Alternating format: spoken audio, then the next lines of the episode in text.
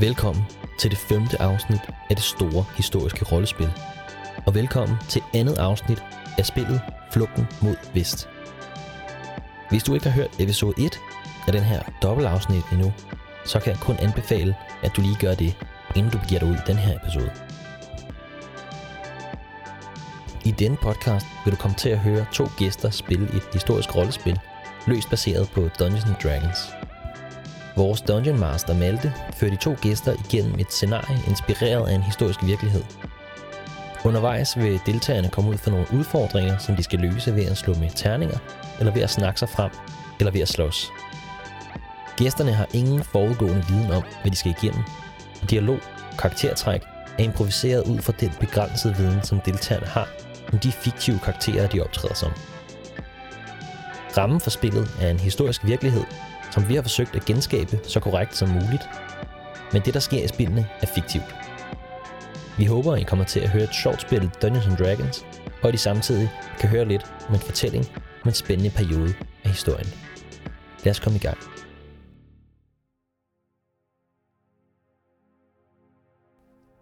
Vi fortalte sidst om jerntæppet, om censuren i Østtyskland og om teatrenes rolle i samfundet som et sted, hvor der nogle gange slap noget igennem det net af kontrol, der ellers var blevet kastet hen over offentligheden.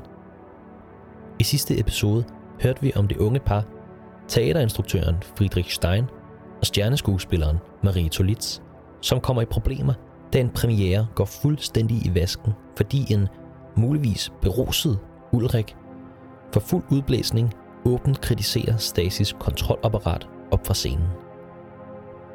Noget, som der uden tvivl ville have ret alvorlige konsekvenser i Østtyskland. Ingen ved, hvad der vil komme til at ske nu, men Friedrich og Maria er godt klar over, at det bestemt ikke er godt.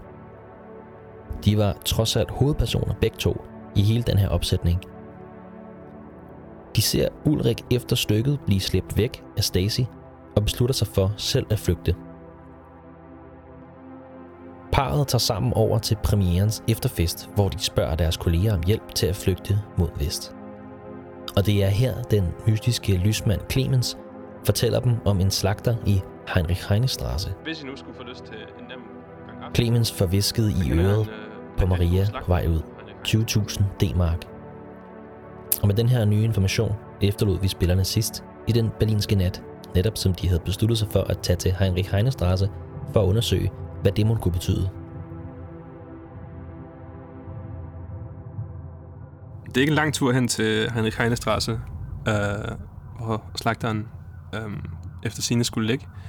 Um, og som I kører ned ad gaden, kan I for enden af, af gaden se um, Berlinmuren. Uh, Henrik Heinestrasse ligger direkte ligesom ind uh, til mu- selve muren. Um, og uh, på et kryds til, hvad der hedder, altså ligesom, den ligger parallelt på muren, og så drejer vejen ligesom rundt her. Og lige på det her hjørne, øh, inden Heinrich Heinestrasse drejer op langs Berlinmuren, der ligger der sådan en øh, lille slagterfacade, der ikke ser ud af så meget.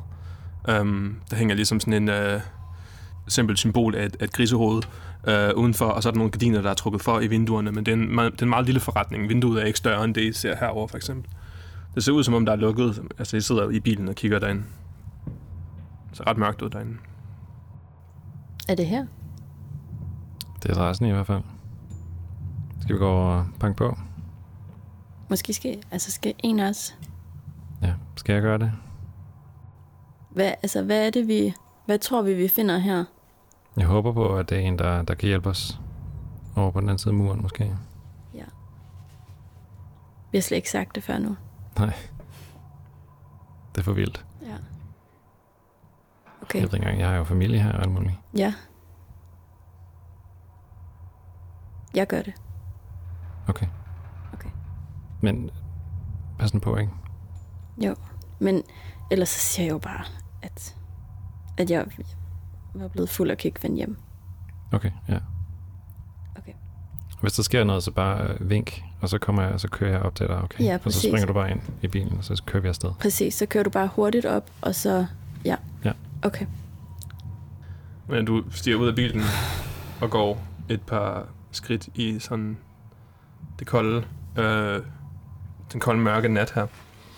Um, du bevæger dig op til slagterdøren. Um, hvad kunne du tænke dig at gøre?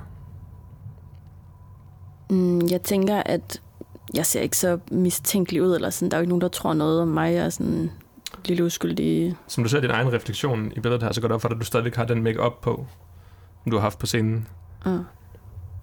Okay, det gør mig lidt nervøs. Øhm, det, det tror jeg lige, jeg sådan hurtigt sådan slikker på mine fingre og sådan tør det af. Øhm, og også lige sådan sætter mit hår op i sådan en, en knold. Og prøver lige sådan at tænke over...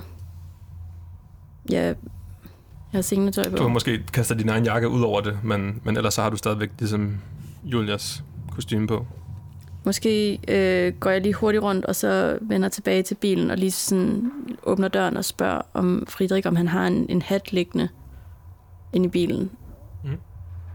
Har, du en, har du en hat her? Ja, ja, så Der ligger den her i hans rummet. jeg famler lidt rundt og åbner handskerummet og sådan, ja, Okay. Og så tager jeg den der hat på, og så, og så begynder jeg at gå derhen af. Og så ringer jeg på. Der er et øh, gardin for, øh, for, for døren, er der ligesom er lavet træ, og så er der ligesom vind, et vindue i døren ved siden af butiksvinduet. Og det der gardin bliver kørt øh, bare en lille smule til siden, hvor du ser øh, to øjne og sådan lige i toppen af et skaldet hoved, der, der, der, der kigger ud på dig. Og så hører du øh, indenfra sådan en lidt tyk, sådan, øh, nok sikkert polsk accent. Det siger sådan, vi, vi har lukket. Øh, du, øh, vi er åbne i morgen. Jeg står lige og tænker sådan, hvad skete der lige her? Men så går jeg sådan helt tæt på ved døren, og sådan banker på sådan helt, helt forsigtigt, og sådan, hallo? Vil I, vil I godt lige åbne op? I en sådan hurtig bevægelse, så åbner han døren, øh, hiver dig indenfor hurtigt og smækker den igen. Indenfor øhm, står du nu over for den her, altså i hvert fald to meter høje, store, brede øh, mand. Han har sådan lidt en hvid, sådan lidt beskidt t-shirt på med sådan nogle pletter, og der er den der sådan lidt slagter øh, kødlugt øhm, Uh. i, øh, i forretningen. Øh, lyset er slukket herinde. Øh, men til din overraskelse, så, så står der allerede fem mennesker herinde sammen med ham. Øh, alle sammen sådan i udendørs tøj. Nogle har en lille kuffert med, andre har ligesom bare sådan en bylt over, over skulderen. Hvad vil du? Øhm, hej. Øhm, det er fordi, jeg fik, vi fik, eller jeg fik øhm, givet den her adresse, øhm, som om, at der var nogen, der måske kunne hjælpe os her. Har du problemer? Det tror jeg. Det er bare dig. Hvem er du? Altså, Det, det er bedre uden navn, men... Jeg har... Jeg har hjælp ud bagved. Hvor længe har I været her? De første kom for en lille time siden. Okay. Stoler jeg på ham? Altså, kan jeg se, at han sådan ser behagelig... Roligt insight check. 11. De mennesker, der er her, som du kan, den måde, de kigger, dig på, kigger på dig på, um, de er alle sammen sådan chokeret. Du kan se lidt af den samme paranoia i dem, som du kan mærke i dig selv. Mm. Uh, de er meget mistroiske over, over, hvem du er. Det var ikke meningen, der skulle komme nogen nu. Du føler ikke sådan total tiltro til ham. Nej. Du, du, står, du står med en fod i hver lejr med ham. Ja, men jeg tror også, at jeg føler, at jeg ved ikke helt, hvad vi ellers skal gøre lige nu. Altså. Nej. hvad kan vi ellers gøre? Det her er den eneste ven, vi har lige nu. Og, sådan, øhm, og også fordi de andre er der, så tror jeg, at, at så tænker jeg, okay, men det er i hvert fald ikke kun mig, der sådan har hørt om, om det her sted. Samtidig er du også øh, fyldt op med alt, hvad man har hørt i medier, og alt hvad, man, alt, hvad du er blevet eksponeret for i teaterstykket, omkring hvem flugthjælpere er, Ja, og hvad de gør. ja. Øh, de er øh, løgnagtige og forræderiske, og, øh, og glupske. Ja.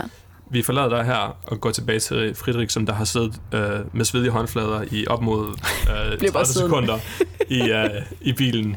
Jeg kører bare. Og du, øh, du, du, er, du, er, du er nået til et punkt, hvor du er nødt til at, du, du er nødt til enten at gøre noget, eller, eller altså, Eller det er ikke nemt for dig, det her. du sidder konstant og kigger i bagspejlet efter Stacy, Ja. og Jamen, jeg tror, så snart jeg så uh, Maria bare sådan flået ind, så har jeg nok sådan væk med, jeg var ved at tænde bilen, og så lod være, og så var jeg ved at sådan rulle vinduet Ja. men sådan, hvad laver jeg? Jeg ruller den op igen, og sådan, nu kigger jeg efter en pistol, men har ikke nogen, og sådan, jeg ved ikke, hvad jeg skal gøre, så sidder bare og stiger på den der dør, og så øh, sådan kigger lidt sådan øh, på, på, på bygningen, øhm, så siger jeg, scheisse, så åbner døren, og så øh, lukker bildøren bag mig, og så øh, sådan, sådan løbesniger mig op til, til, til bygningen. Øhm, okay. Og prøver sådan, se, om jeg kan kigge ind ad vinduet, om så jeg kan se et eller andet, eller jeg, jeg, jeg tror ikke, jeg tør at banke på øh, endnu. Rul et perception check. 14? Da Maria blev hævet indenfor, var det her gardin ligesom ikke trukket, trukket for særlig grundigt igen. Mm. Øh, og du kan ane, hun står derinde, og du kan ane flere andre skikkelser. Okay, så det er det, jeg ser. Ja. Så jeg, jeg, jeg kan ikke høre, hvad, I, hvad de snakker om. Jeg kan bare se, at, at Maria står der. Du kan måske Øh, høre en lille smule mumlen, men, for, når han siger noget, men, men det er ikke nok til at Mm. høre ord, og du kan ikke høre, hvad hun siger. Okay, um, Igen, vi går tilbage til Ja. Maria indenfor. Det er 10.000 per person. Så det er bare dig, 10.000. Hvad hvis det ikke bare er mig? Hvor mange har I? Og hvornår? Ik- ikke flere i aften. I morgen. Der er plads i morgen. Men skal alle de andre afsted i aften? Ja. Okay. Og kan vi så blive her indtil i morgen? Det er jo et hotel, det her.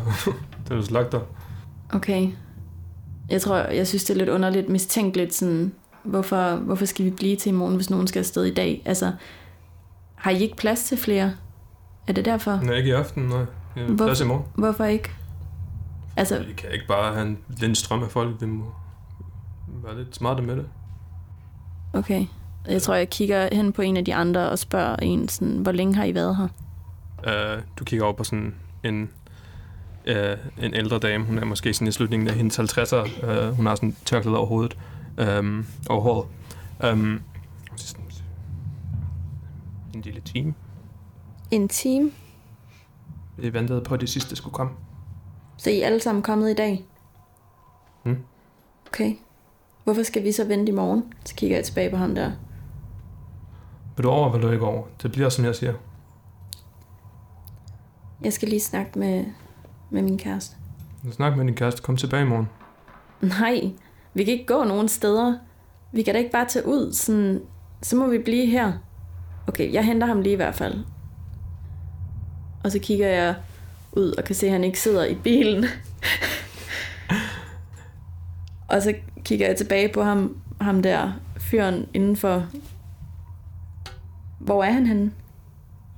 Jeg, jeg ved ikke, øh, hvem din kæreste er. Okay, der bliver jeg rigtig nervøs. Sådan. så går jeg udenfor. Okay. Du tager fat i døren og åbner den og ser, Og så ser Frederik stående der. så er han der. Åh, oh, sådan, øh, jeg troede... så krammer jeg ham lige. Wow, er, Nå. er du okay? ja. Uh, jeg, troede, jeg troede, du var sådan blevet taget eller et eller andet. Nej, jeg tror, jeg tror, du er blevet taget. Du blev bare sådan hævet. Du sagde, du ville blive i bilen. Ja, ja, det er altså meget lugtigt. I skal, I skal ud nu. Ud med jer. Hvad? Ud med jer. Der er ikke plads i aften. I kan komme i morgen. Okay. Og så, så går jeg ud, og så trækker jeg Friedrich med tilbage i bilen. Altså, jeg, har- jeg har lidt svært ved lige sådan at læse ham der. Han var, han var altså lidt ubehagelig, føler jeg. Jeg ved ikke... Jeg ved ikke, hvor han var, var fra, eller hvorfor han laver det her, men, men de andre, der var derinde, de sagde, at de var kommet i dag. Og de var kommet for sådan en time siden, og han sagde til, til mig, at han ikke havde plads til nogen før i morgen. Okay. Er det ikke mærkeligt, eller det synes du ikke? Altså, jeg ved ikke, hvordan han får folk over, jo, hvis de, hvis de gemmer sig bag en bil, eller sådan et eller andet, hvor der er plads til en vis mængde, kan det måske være. Men han sagde, at vi kunne, vi kunne komme med i morgen. Ja, altså det siger han, men Så han, koster det noget, eller skulle vi gøre noget? Eller? ja, han sagde, det kostede 10.000 per person. Okay, Men det stemmer jo overens med det, vi fik at vide ja. af Clement. Så det, det virker meget sådan... Man kan ikke stole på den slags typer. Ja. Nej, det kan man nemlig ikke, Nej. men samtidig så ved jeg bare heller ikke, hvor, hvor skal vi ellers til hen? Ja. Sådan, det er den ene adresse, vi har. Altså, det er jo ikke lige sådan, vi kan...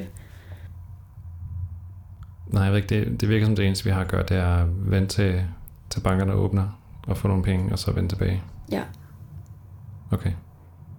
så skal vi bare finde et sted at sove. Vi må sove i bilen. Ja, det må vi gøre.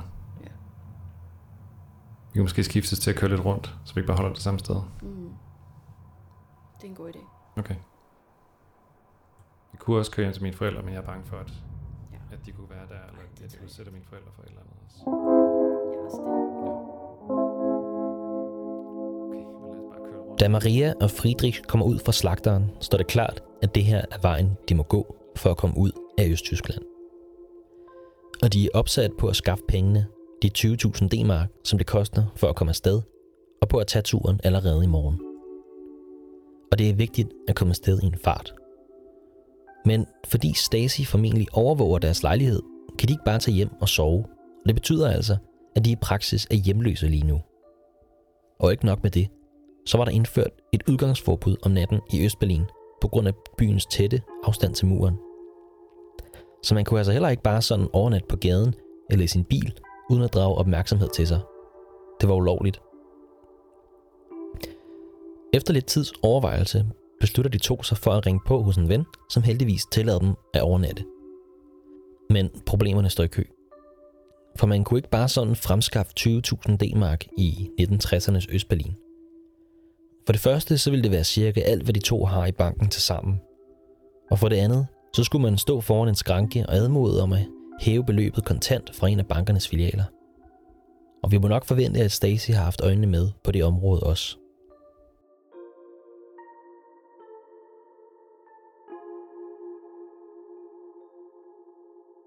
I køreturen til, til hvad det hedder, Centralbanken.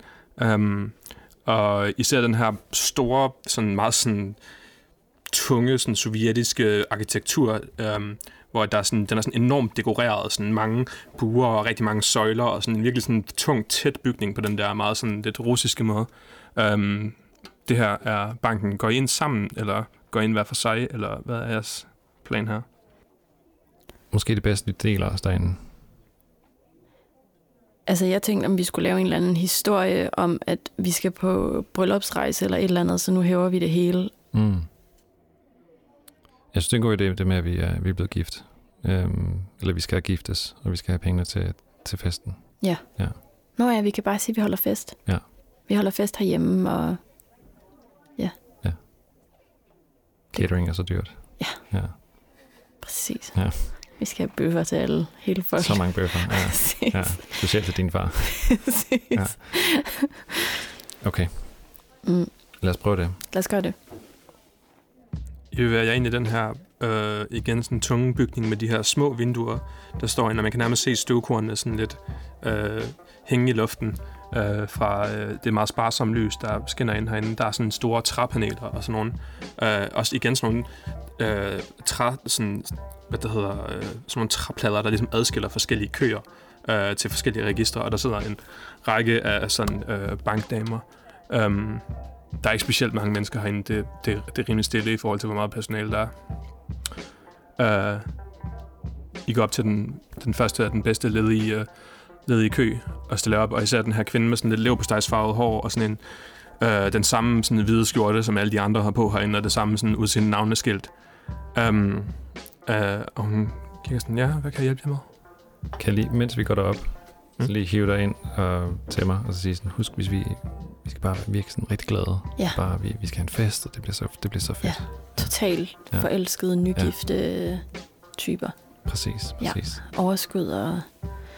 Ja, vi er jo Ja. ja. vi er skuespillere, så Det er nu, det kommer til gavn. Ja. Nej, okay. Sådan, ikke, ikke snak mere til mig. nej, undskyld, ja. Og sådan, så tager jeg fat i din hånd, i Frederiks hånd, og sådan, øh, ja, kigger rundt og får øjenkontakt med alle de her damer, og smiler til dem, og sådan, hej, nikker til dem. Øhm, ja, og så kommer vi hen til hende her dame, og jeg tænker, hun, hun ser lidt sådan sørgelig ud. Sådan lidt. Absolut, hun gør. Ja. Hej. Hej. Hej, hej. Hvad skulle det være? Øhm, ja, det er fordi, at øhm, mig og min kommende mand her, Det vi skal mig. holde, ja, det er dig. Vi skal holde en stor fest, en bryllupsfest, øhm, så vi skal bare lige have hævet penge til det. Og det, ja, det gør man jo her. Ja, det, det gør man. Hvor mange penge drejer det sig om? Øh, ja, nu har vi jo ikke regnet det lige nøje ud, så der skal bare være rigeligt, ikke?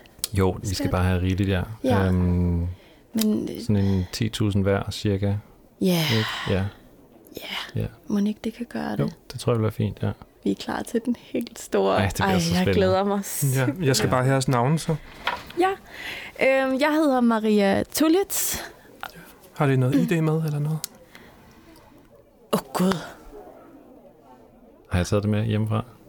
Du vil have det med, ja. Okay, Okay. så, så, så rækker det over disken. Ja, det er godt. Og hun tager det Ja, um, jeg har spildt. altså, lidt øjeblik, og hun forlader skranken et øjeblik, og I venter i måske altså et fuldt minut, altså, før hun kommer tilbage og siger, øhm, ja, så skal jeg bare bede om en underskrift, men inden, øhm, jeg kan se, det er jo, det er jo nærmest hele jeres, øh, hele jeres konto i tømmer her. Det var en stor fest. Du må Ja. gerne komme med. Nej, nej, det var for sjovt. Eller det må du gerne, hvis du vil. Nej. Nej, men det er fordi, at, øh, hvad hedder det, hele familien kommer, og så, du ved, at de er ret gode til at give et lille bidrag, kan man sige, så de penge, de er, de er hurtigt tjent ind igen bagefter. Det er bare lige for at være sikker, så har vi altid pengene, vi kan, gå dem, vi kan sætte dem ind igen. Hvis vi, ja, ja. Vi, vi tænker ikke bruge det præcis. hele jo. Nej, nej. Nej, nej, Nej, det bliver sikkert slet ikke så meget, så sender vi dem jo bare ind igen. præcis. Det er bare så, vi Præcis. har nok, så vi skal tænke på det. Så Ja. Der er rigeligt med Ja. ja. Så, altså, problemer, man skal... Puh. ja, de der duer der, ej, jeg håber, de kommer frem. Ja, Og som I kører og kører og kører, så sender hun et blik til en af hendes øh, kolleger. Øh, meget sådan diskret, og så lægger hun papiret op til at blive skrevet under af, af dig, Friedrich, her. Øh, og du ser Maria, øh, kollegaen, tage telefonen op og sige et par få ord i den, um, før hun lægger den på igen. Øh, og ved ikke, om det er relateret til det. Man har sådan et eller andet følelse af, at det kunne, godt, det, kunne det godt have været. altså, så sp- spørger jeg hende, damen der, altså, er der et problem? Det er vel vores penge? Nej, slet ikke. Slet ikke. Det, det er en skønste orden. Jeg skal bare have en underskrift, så, så får I dem. Jamen, jeg underskriver. Yes. Og der går et øjeblik, før hun kommer tilbage med øh, ligesom sådan sikkert øh, lukket pose og åbner den for jer, og I ser så mange kontanter dernede. 20.000 øh, D-mark i kontanter fylder. Er det sådan en Fylder en gennemsigtig pose? Eller er Nej, nej, det er sådan en, det er sådan en, øh, ligesom sådan en øh, uklar plastpose. Okay. Um, og det er de, øh, ligesom de, hun tager dem op og lægger dem i sådan nogle øh, bunder af, af 500 marksalder, og kan se, det er 20.000, der ligger her. Mm. Må vi, øh, kan vi låne posen med? Ja, den er jeres. Okay. Og, og have, have et dejligt bryllup. Mange tak. Tak. Og en god dag. Lige meget. Og så, øh, ja, så går vi sådan rimelig chipped ud, Mm. tænker jeg. Jeg vil gå sådan ret, ret Ja, hurtigt til. Ja.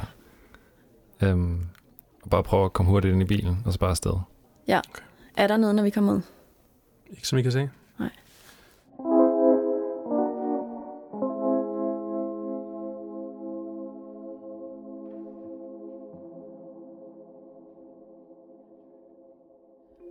Efter de to spillere har været i banken og hævet alle deres penge, står de tilbage med en hel dag, som skal fordrives. Da de overvejer, hvordan de skal bruge de her timer, indtil det bliver mørkt igen, går det op for dem, at de kun har ganske kort tid tilbage på det sted, som de har boet hele deres liv.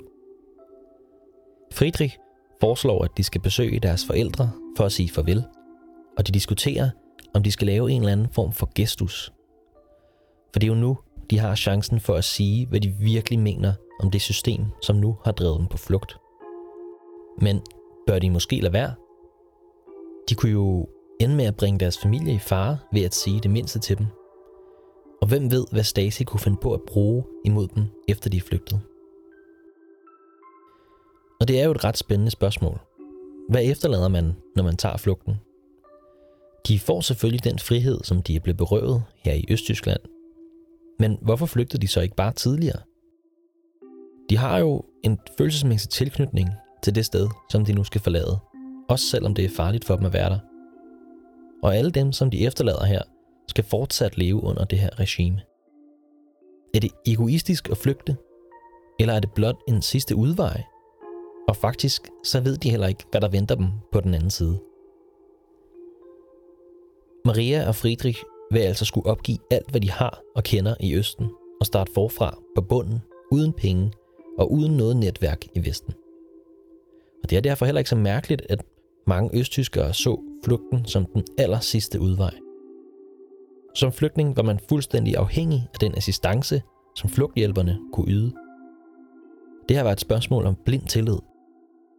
Og flugthjælperne kunne være alt fra ideologiske studerende, hemmelige agenter eller hårdkogte kriminelle, der nok nærmere praktiserede menneskehandel. Maria har altså gode grunde til at være skeptisk over for slagteren i Heinrich Heinestrasse. Alt dette diskuterer de to spillere, og man kan kun forestille sig, at virkelighedens mennesker må have gjort så mange af de samme overvejelser, inden de har begivet sig ud på den her skæbne svanger tur på tværs af muren. Men Maria og Friedrich ender med ikke at foretage sig noget den dag, fordi de ikke vil risikere andre menneskers sikkerhed. Og timerne går derfor med at købe noget proviant til turen. Og da mørket igen falder på, og det unge par har overlevet et helt døgn i Østberlin uden at blive samlet op af Stacy, ankommer de endelig hos slagteren på Heinrich Heine Straße. Nu gælder det om at komme ud. Omkring ved mørkets frembrud øhm, kører I til slagterforretningen øhm, på René Heine Strasse. I parkerer bilen. En bil, som I ikke ved, om I nogensinde kommer tilbage til. Og begiver ind i butikken. I er de første, der kommer i aften. Øhm, og slagteren øh, vinker jeg indenfor, og butikken er ligesom lukket på det her tidspunkt. Han vinker indenfor og siger, Nå, I, I har penge med? Jo. Ja. Viser pengene. Det er så godt. I er ikke øh, bange for øh, små rum, vel? Hvad mener du? Jo, hvis man har klaustrofobi eller lignende, så kan det godt være svært. Hvordan, øh, hvordan kommer det her til at foregå? Jeg graver en tunnel. I skal kravle. Vi skal kravle. I hvor lang tid? 50 meter. 50 meter. Ja.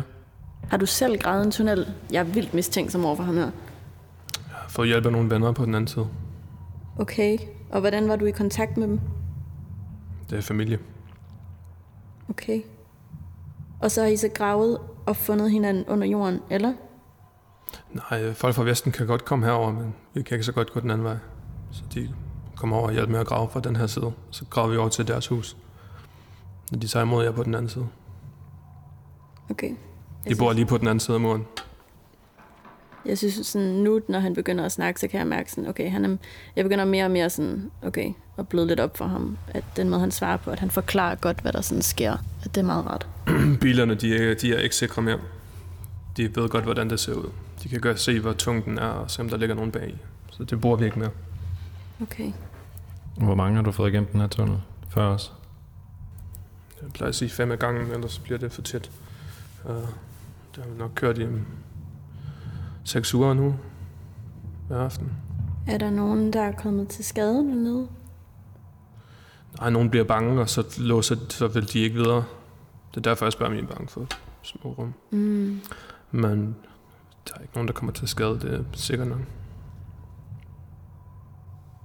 Okay, jeg tror, at på det her tidspunkt, så kan jeg mærke, at sådan min, mine hænder begynder at sidre, og sådan min krop, øhm, jeg begynder at ryste lidt. Jeg tager din hånd, ligesom. Ja.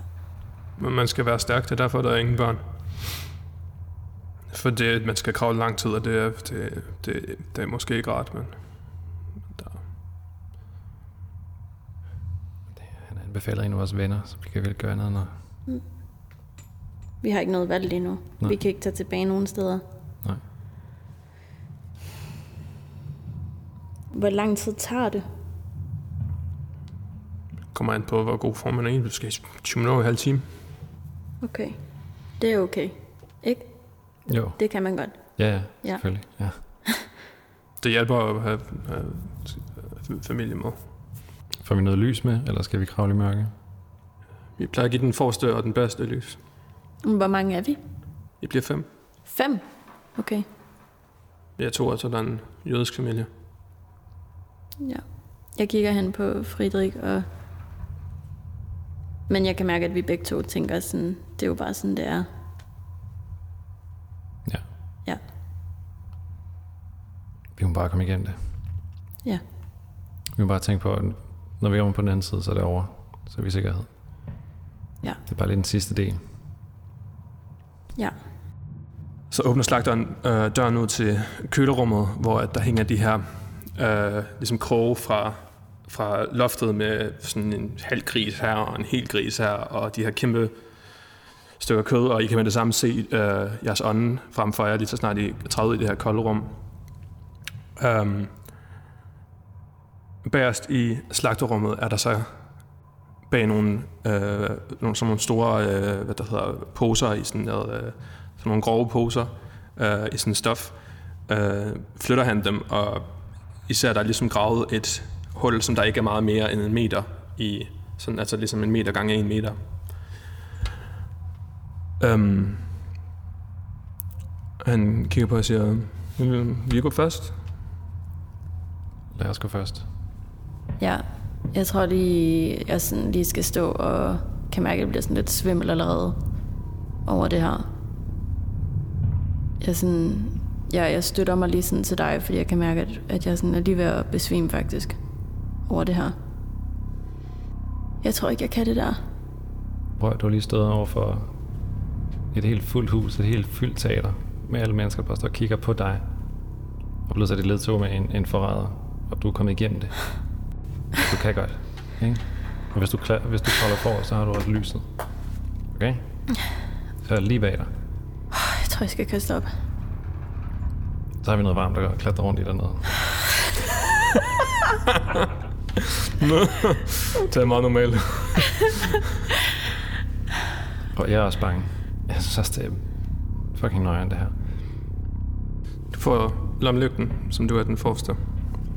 Som du tænder og ligger der ned i tunnelen og kigger i, ind i mørket. Og du kan se en måske en meter til en to frem for dig med, med lyset fra lygten. Først går det nemt. Um, fantasien om, hvad der venter på den anden side, holder jeg sådan oppe, og selvom det er sådan det kunne være ubehageligt, men man, man, man holder sådan, man, man, man holder, man holder fast om sig selv, og man, man, I har hinanden her. Og det hjælper jeg til ligesom at, at sådan holde, holde den værste panik væk. Og jeg kravler, og jeg kravler, og langsomt så begynder sådan, din følelse af tid ligesom sådan bare lidt at forsvinde. Um, det føles som rigtig længe, og jeg ved ikke, om det er det, men det føles som rigtig længe. På det tidspunkt, at tunnelen begynder at snævre en lille smule ind. Så åbner den sig lidt igen. Og så før du ved af det, så står du over for en lukket væg. Tunnelen slutter her. Hvad sker der? Hvad kan du se? Jeg kan ikke se noget. Der er en blink ud. Hvad med, hvad med, hvad er, der, er der noget over dig? Nej, der er ikke noget over mig. Er der ingenting? Mit hjerte, det, det hammer helt vildt. Og sådan... Nej, nej, nej, nej, nej, nej. Nej, Der er overhovedet ikke noget. Har du, har du prøvet at banke på væggen? Der er ikke noget. På, på, på gulvet? der er ingenting. Fuck, hvordan kunne vi være så dumme, mand? Skal vi tilbage? Hvad, hvad gør vi? Ja, tilbage. Sig til dem, de skal vende om. Jeg kigger tilbage på de andre. Sådan, der er ikke noget. Der, det er bare en blinkyde. Der blev mumlet om, at der må være sket en fejl, eller kunne vi have drejet af, eller kunne det være sket et eller andet, og langsomt begynder hele troppen at bevæge sig bagud. Og I bliver ved med at bevæge jer bagud, og I kigger efter de veje, som I burde kunne tage, eller hvad der leder efter en rationel forklaring på det. Der er ligesom en stillhed, som kommer op i slagterbutikken igen. Der står tre mænd med pistoler fremme. Og som i hver især bliver lagt i håndjern og bliver ført ud af slagtebutikken, Så hører vi tonerne af DDR's nationale symfoni.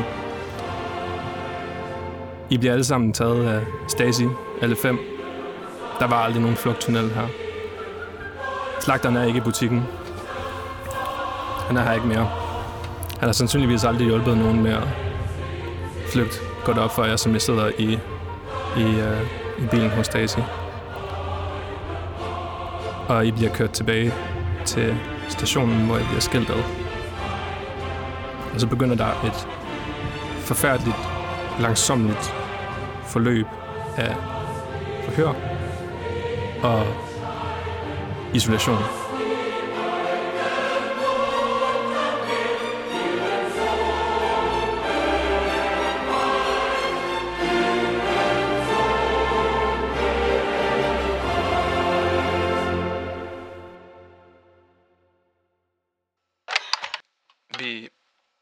Forhøret af fange 22-33-1. Til stede er Bernd Falkner, føringsofficer hos Stasi.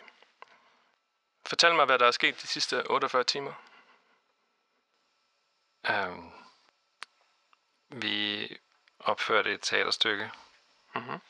I Blindheit der Liebe. Ja. Um, en af skuespillerne, stærkt beruset, valgte at tale imod styret. Um, vi havde ikke noget at gøre med det. Nogle af os andre, det var Ulrik selv, der besluttede at gøre det her. Jeg har her en udtalelse fra Wilhelm Weber, der påstår, at du var mindre end modtagelig over for hans rettelser. Kan det passe? Jeg kunne i hvert fald ikke, på, jeg kunne ikke finde på at se nogen imod, der, der ikke var passende. Altså, jeg sagde selvfølgelig ja til alt det, der var passende. Alle de gode noter, han havde. Jeg har Øhm, arbejdet på det her fantastiske men selvfølgelig som stykke, kunstner kan man jo ikke lade være med at sige nej til nogen ting. som ligesom skulle være Mm. Ja, Starten. fortsæt. på en stor karriere for mig. Min, Øhm. min kæreste jeg, vi, øhm, Jeg har altid drømt om at blive skuespiller. Så i det, at jeg er ja, instruktør for stykket, du ved, øhm, var en fantastisk mulighed. blev vi bange for, om, om det på en eller anden måde kunne pege Øhm. tilbage på, Og så på mig. det her. Det er her historien om Friedrich og Maria slutter.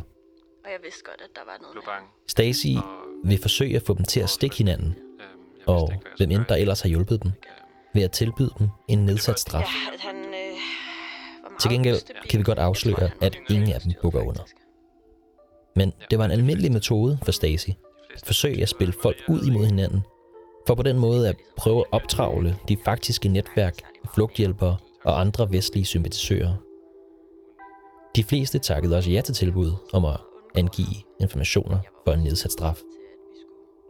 Efter murens fald har man fundet ud af, at Stasi havde filer på omkring hver tredje borger, og man har estimeret, at cirka hver sjette borger har overleveret informationer til Stasi på et tidspunkt.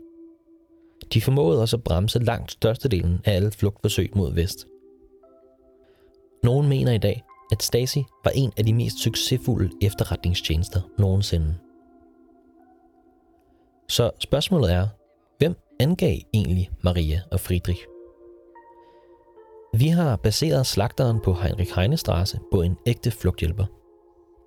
I virkeligheden var han ikke en stikker, men vi synes det er værd at understrege, at der var mange, som egentlig bare forsøgte at tjene penge på menneskesmugling, eller som var Stasi-agenter, og at der ikke nødvendigvis var et kæmpe overtal af idealister, sådan som man ellers ofte får det præsenteret. Og der kan være mange grunde til, at Stacy var der den dag, hvor Friedrich og Maria skulle igennem. Måske var det den familie, som de fulgtes med i tunnelen, som Stacy faktisk var på sporet af. Måske var det slagteren, som fra starten var Stacy-agent. Måske var det Clemens, som udleverede dem. Det er de spørgsmål, og det er den usikkerhed og mistillid, som må have fyldt i tankerne hos de indsatte inde i Stasi-fængslet imellem de lange forhør. Og det er ikke sikkert, man nogensinde ville få svaret. Inden muren kom op, var den mest populære metode bare at låne et udenlands pas, og så komme over på den anden side med det. Men efter muren kom op, måtte man være mere kreativ. Der har været en lang række spektakulære flugtforsøg med alt fra luftballoner og kajakker til ombyggede biler og svævebaner. Men for nu må vi desværre efterlade vores karakterer til en uvis fremtid i et af Stasis fængsler.